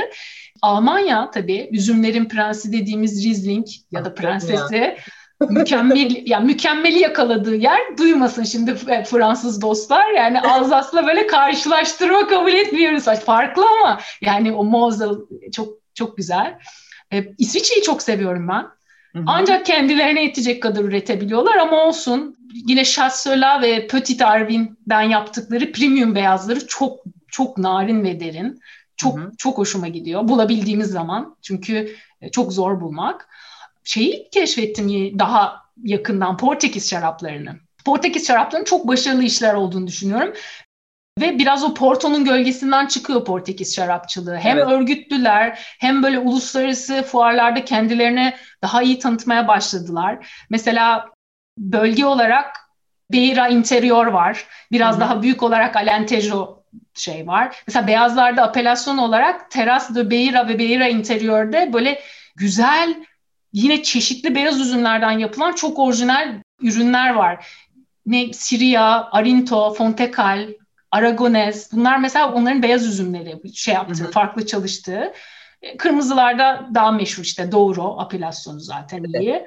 Kırmızı üzümlerinde ben Portekiz'in şeyi çok seviyorum. Turiga Nacional, Nacional çok. diyorlar herhalde. Acayip güçlü ve zengin bir üzüm yani. Çok, çok. Ve ben mesela Cabernet Franc'a çok benzetiyorum bazı Hı-hı. hallerini. Hoşuma Cabernet Franc'ı sevdiğim için belki. İşte belki. yine evet, Tinta Rosis, Tinta Barocca falan var. O, o kırmızıları. Portekiz ilgimi çekiyor. Yani böyle gelişiyor çok diye. İşte Amerika ve Avustralya'da da çok şahane ürünler var ama ben galiba biraz daha fazla Avrupa şarapçılığıyla içli dışlıyım. Yani e, daha çok onlar niyeyse onlar onları deniyorum, şey yapıyorum. Bu mesela bunları söyleyebilirim. E, beğendiğim, takip ettiğim ben. Farklı ülkeler olarak. Peki şarapçılık açısından baktığında gelişimini Türkiye'ye benzettiğin bir ülke var mı? Biraz Balkan ülkeleriyle benzeşiyor olabiliriz. Bulgaristan hmm. belki. İşte çünkü hmm. Bulgaristan'da hem uluslararası hem de yerel sepajlarıyla e, iyi işler çıkarıyorlar onlar da son yıllarda.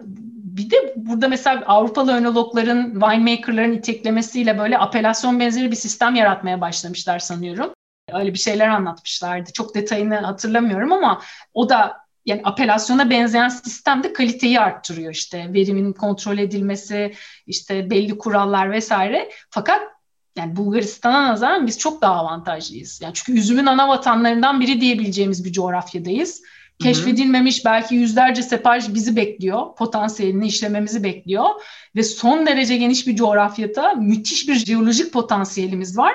Ve böyle mikroklima cenneti alanları Türkiye. Yani resmen böyle işlenmeyi bekleyen bir elmas madeninin üzerindeyiz bence. O yüzden evet. yani Balkan, Bulgaristan biraz benzetiyor olabilirim o şeylerden. Peki bu son zamanlarda adını daha çok duyduğumuz ülkeler var. İşte ne bileyim Gürcistan gibi, Ermenistan gibi, Yunanistan'ı da çok daha fazla duymaya başladık bu arada şarap dünyasında. Bunlar arasında favorilerin var mı? Yani Gürcistan seviyoruz tabii çünkü çok farklı bir kere. Hiç çalışmadığımız bir yerden geldi. İnsanlar böyle şaşırdı. Orijinal. E, ama ben Yunanistan ve İsrail'i de ilginç buluyorum. İsrail'in şarapları gerçi daha çok da uluslararası sepajları işliyorlar. Yani onları tattım ya da ben denk geldim. Çok başarılı, güzel, çok farklı. E, Yunanistan'da tabii şey, o Santorini'nin asirit kollarını çok başarılı buluyorum. Müthiş. İnanılmaz ya çok, gerçekten. Yani, ve iyi bir beyaz benim daha çok şey yapıyor. Niyeyse gönlümü çeliyor ya. Yani çünkü o Tanen'le oynayamama durumu Tanen'den aldığınız destek olmadan çok böyle kalbe dokunan, damağa dokunan bir şey yapmak bana daha zormuş gibi gelir her zaman. Doğru, doğru.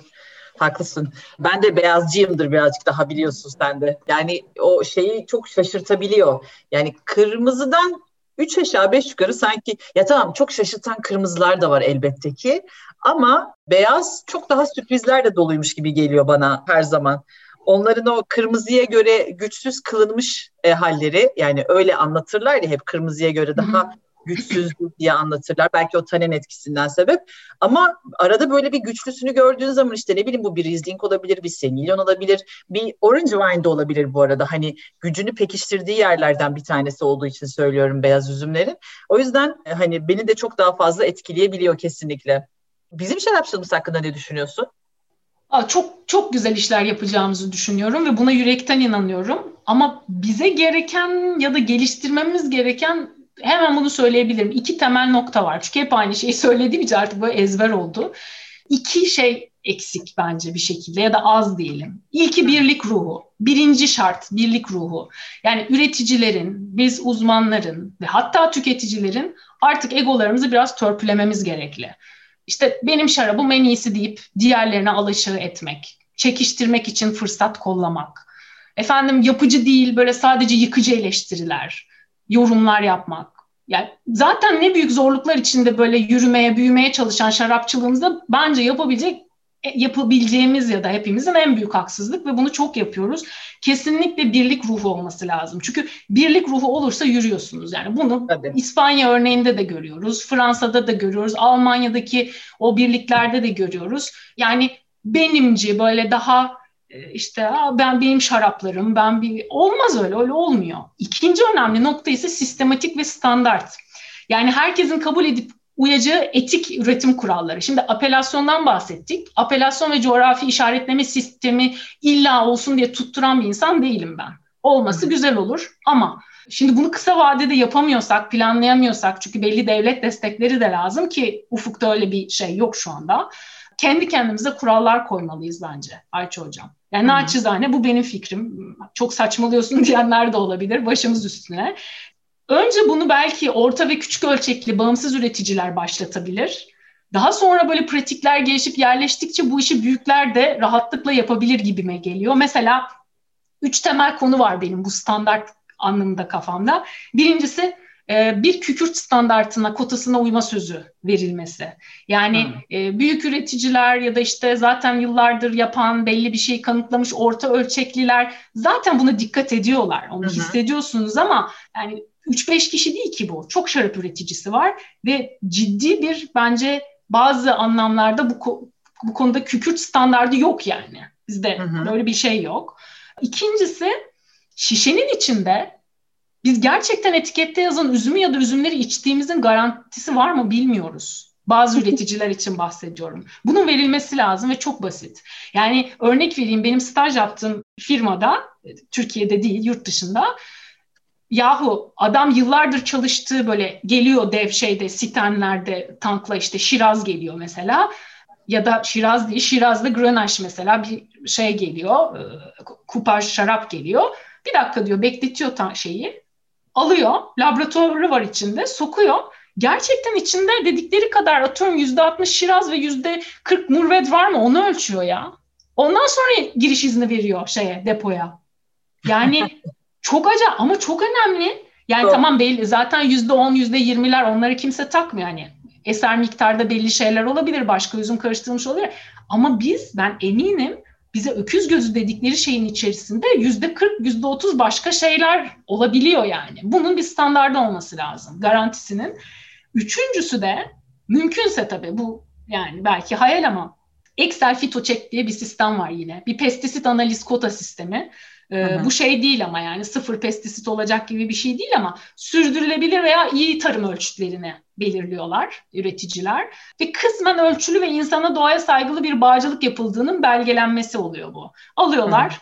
Mesela piyasa ve bunları bağımsız bir kurum altında genelde şey yapıyorlar. İşte sizin raflarda ürünleriniz var. Çekti bir tane kurum. İşte bakıyor kükürtü uygun mu standarda? Uygun. İşte gitti bilmem ne marketten aldı. Baktı evet içindeki üzümler uygun mu? Uygun. Excel fitoçek bazlı bir şey yaptı. Analiz yaptı. Evet ya e, şey kabul edilebilir sınırlarda içtiğimiz e, şarap. Bu üçü mesela bence çok büyük bir fark yaratabilir. Bu ve benzeri bunları tabii şeylerin yani önologların ve üreticilerin e, oturup başka kaliteyi nasıl yükseltiriz işte efendim olgunluklar kullanılan başka işte ne bileyim şaptalizasyon izinleri onlar asidifikasyon izinleri ya da ne Aha. kadar nasıl olmalı bunları daha teknik konuları şey yapabilirler.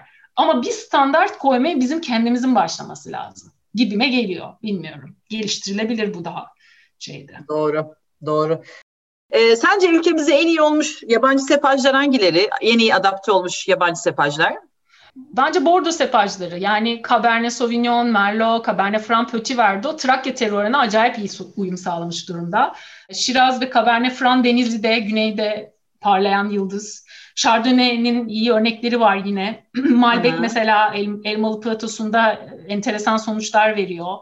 Ama Murvet Urla'yı seviyor bence. Urla'nın belli teruarlarını seviyor.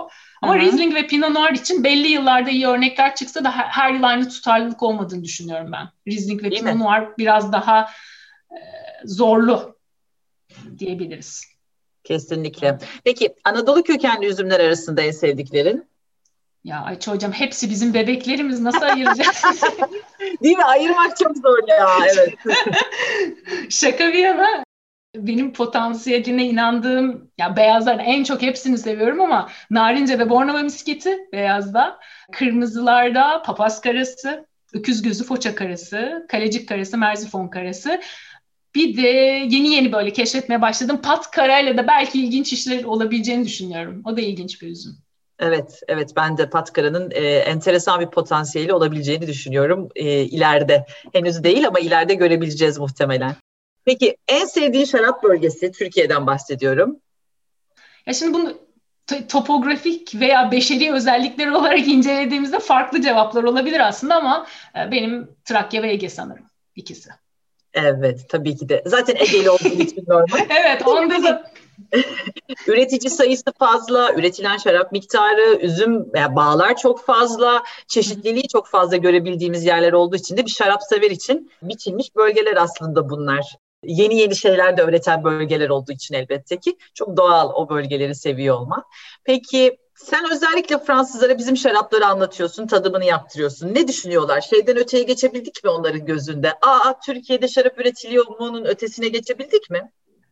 Turks do wine diye böyle kafalarına şey çok farklı buluyorlar, seviyorlar aslında ama mesela bizde daha az tanenli sepajlardan yana bir tercihleri var bence.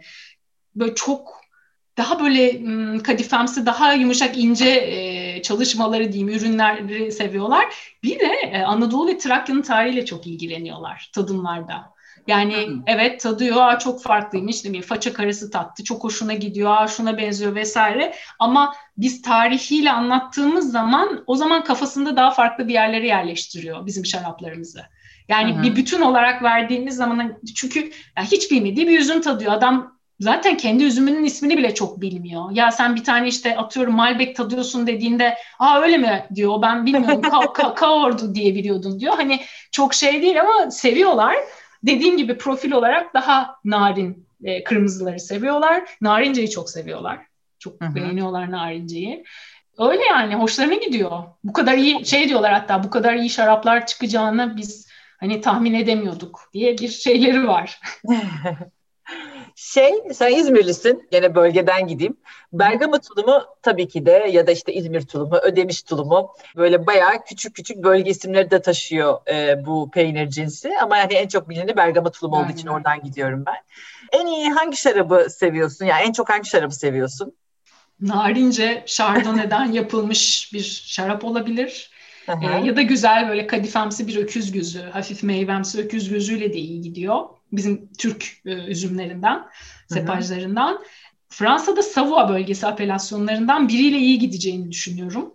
Hı hı. E, çünkü o Tom de Savoie ile böyle hafif benzeşen bir şeyi var bence. Bergamo tulumunun böyle şey yapısı var. E, bir de Burgonya'dan Aligote üzümüyle iyi gidiyor Bergamo tulumu. Yani çok Değil bilinmez mi? Burgonya'nın aligotesi. Evet. Böyle daha böyle ay nasıl diyeyim parantez içinde e, ezik gibi falan şey yapar ama güzeldir yani. E, esprisi tabii bu. Aligoteli güzel gidiyor. Peki en sevdiğin yemek şarap uyumu? Şimdi direkt Türkiye'yi düşünüyorum. Bizim memlekette yaz mezeleriyle Türk mutfağından işte kısırıydı, mercimek köftesi, çiğ köfte gibi lezzetlerle böyle meyvemsi ama böyle diri buz gibi bir mesela Elazığ öküz gözü rozesi muhteşem oluyor. Yani harik, harikulade oluyor. Bunları mesela yabancı konuklara tattırdığımız zaman da çok hoşlarına gidiyor. Çok güzel bir uyumu var öküz gözü rozelerinin. Böyle körili tavuklu, körili beyaz etli lezzetlerle biraz önce an, anıp bahsettiğimiz Jura sarı şaraplarından bir Chateau Chalon inanılmaz bir uyum yakalar. Çok acayip olur. olur. Ee, en son Old Wine Semillon tadımında Derin ve Kaan'ın yaptığı ançezli tereyağlı mısır ekmeği üzerine hamsiye bayıldım. Yani bir efsane oldu. Tadı hala damağımda şu anda. ee, çok güzel oldu. Ee, Old Wine Semillon'la. Semillon üzümüyle çok iyi gitti. O hamsi ve şey birlikteliği, mısır ekmeği. Ee, biraz böyle şımaracağız diyorsak istiridye ile mesela bulabilirsek sürli metoduyla yapılmış bir müskade, sevremen ya da şabli bence işleyebiliriz. Çok güzel oluyor. Evet katılıyorum. Ben de istiridye ile e, yüksek asitli, mineralitesi yüzde yüksek, hafif tuzluluğu olan şarapları çok seviyorum. Şarap dışında hangi içki? Üç tane içki vardır hayatımızda diye rakı ve viski elbette. Ee, yani şarap bir, sonra rakı ve viski. Ama yani daha çok amatör bir içiciyim ben. Hani rakı içiyorum, çok seviyorum. En son sizin anason muhabbetleri çok keyifli bir gün yaşadık. Bir gün boyunca rakı üzerinde sohbet ettik. Çok hoştu. Ne güzel. Ee, ama böyle daha amatör bir içiciyim. Hani viskide de hem blend hem böyle single malt değişik seviyorum. Güzel. Tabii ki de e, şarapla bu kadar yakın ilişkili olan bir insanın başka şeyleri de e, tüketiyor olması, zenginliği olan ilişkileri tüketiyor olması öbür kategoriler içinde bence bir şans. bu konuya merak salanlara e, önerilerin olur mu? Yani son olarak söylemek istediğin bir şeyler var mı bu konularla ilgili Göknur? Şahane bir sohbet oldu. Evet çok güzel oldu. Teşekkür ederim Ayça Hocam. Ya şarap eğitimi konusunda gibi e, diyelim şöyle e, bol bol atölyelere gitmeleri, kendilerini geliştirme için işte VSET eğitimi gibi eğitimlere ve sertifikasyon programlarına katılmaları ve mümkün mertebe işte Türkçe, İngilizce olur veya diğer dillerde olur ulaşabildikleri kaynakları okumaları. Ee, bunun yanında yani sadece teorik değil ama üreticilerle, bağcılarla tanışmaları, önologlarla, winemakerlarla, şarap yapımcılarıyla sohbet etmeleri, onların deneyimlerini dinlemeleri çok kıymetli. Çünkü şarap evreni sürekli değişen, dönüşen ve böyle ölene kadar devam eden bir öğrenme süreci gibi bence. Yani ben oldum demek gelişimi sekteye uğratıyor. Sürekli öğrenme halinde olmamız gereken bir alan şarap. Son olarak eklemek istediğim bir şey her şeyi söyleyebiliriz aslında. İki Hı. tane yeni şarap kitabımızın müjdesini verebilirim o zaman. Evet lütfen. Evet. İlki Vinografi. Hı hı. E, pandemi döneminde e, bu Kim Korkar Şaraptan'la aynı yayın evinden haklarını satın aldığımız haşetten çok eğlenceli ve hoş kitabın e, çevirisini bitirdim. Türkçesi yüzde yüz şarap, şarap ve bağcılığı anlamak için yüz muhteşem grafik ve şema e, gibi tarzı bir şey olacak. Yine Nail Kitabevi etiketiyle çıkıyor. Hı hı. basım takvimi ilkbahar gibi düşünülüyor. Biraz da pandemi nedeniyle değişiyor tarihler ama bu kitabın özellikle öğrenme süreçlerine çok katkısı olacağını düşünüyorum. Çünkü böyle temel konuları ilginç çizimlerle aktarıyor. Mesela örneğin olgunlaştırma süreçlerini mi merak ediyorsunuz? Açıyorsunuz o sayfayı. Büyük ve detaylı bir grafik ve ikonlarla konu böyle adım adım anlatılıyor. Ya da işte farklı köpüklü teknikleri yine böyle hap gibi hop kısa kısa güzel resimlerle açıklanıyor. Vinografi de Fransızcadan pek çok dile çevrildi ve yayınlandığından beri böyle uluslararası listelerde iyi bir başarı yakalamış bir kitap. E, ikinci kitabımız da şey e, bir proje bu. Sevgili Murat Yankı ile olan projemiz. E, Türkiye'nin ilk önoturistik rehberini hazırlıyoruz. Önoturizm ne diye sorabiliriz çünkü yeni bir kavram. Önoturizm, enoturizm ya da şarap ve bağ turizmi diyoruz Türkçe'de. Böyle yurt dışında bulduğumuz Lonely Planet tarzı bir çift dilli rehber bu. Hem İngilizce hem de Türkçe olarak yayınlanacak. Hem yerel ve hem de yabancı turistlere hitap etmesi açısından. Rehberin içeriği şöyle. Önoturistik yani e, bağcılık ve şarap turizmi tesislerinin yani otel, restoran, e, şaraphanesi bulunan üreticilerin fotoğraflarının, bağcı üreticilerin öykülerinin olduğu, konaklama ve yeme içme olanaklarının anlatıldığı, aynı zamanda Türkiye'deki bar rotaları üzerinde bulunan gastronomik şarap restoranlarımızın e, ve büyük şehirlerdeki nitelikli kavların e, yani şarap butiklerinin listelendiği bir çalışma olacak. E, tabii aynı zamanda Anadolu ve Trakya coğrafyasının tarihi turistik değerleri de biraz e, veriliyor Aha. rehberde. Şu ana kadar bu özelliklere sahip 40 üreticimiz bizlere ulaştı bile. Süper. Ee, evet yani sayı aslında bizim düşündüğümüzden de fazlaymış. Biz 20-30 civarı olur dedi devam da ediyor. Daha gelecek yani. Çok sevindik. Hani çok güzel şeyler olacak dememin bir nedeni de bu. Çünkü insanlar Evet, insanlar Türkiye'de bağcılık ve şarapçılığın ekonomik potansiyeline tüm olumsuz şartlara rağmen inanıp yatırım yapıyorlar. Yani inanıp devam ediyorlar buna. Çılgınlık olsa da e, çok çok kıymetli. Fransa'daki benzerleriyle karşılaştırdığımızda birçoğu oldukça yüksek kaliteli, zevkli mekanlar yaratıyorlar. Güncellenecek bir rehber. Yani satış rakamlarına göre iki yılda bir yeni açılan tesisler eklenecek. E, bu da böyle keyifli bir e, şarap ve bağ kitabı olacak diye düşünüyorum. Süper. Şahane iki haberle podcast'imizi e, finalize ettik. Bizi bu dakikaya kadar dinleyenler bu güzel haberleri de almakla evet. ödüllendirecekler tabii ki. Evet uzun konuştuk ama bence çok güzel bilgilendirici bir podcast oldu. Çok teşekkür ederiz bize misafir olduğun için. Ağzına sağlık Göknur'cum. Ben teşekkür ederim Ayça Hocam. E, tüm ekibin ellerine sağlık. Sizlerin de ellerine sağlık. Sevgiler.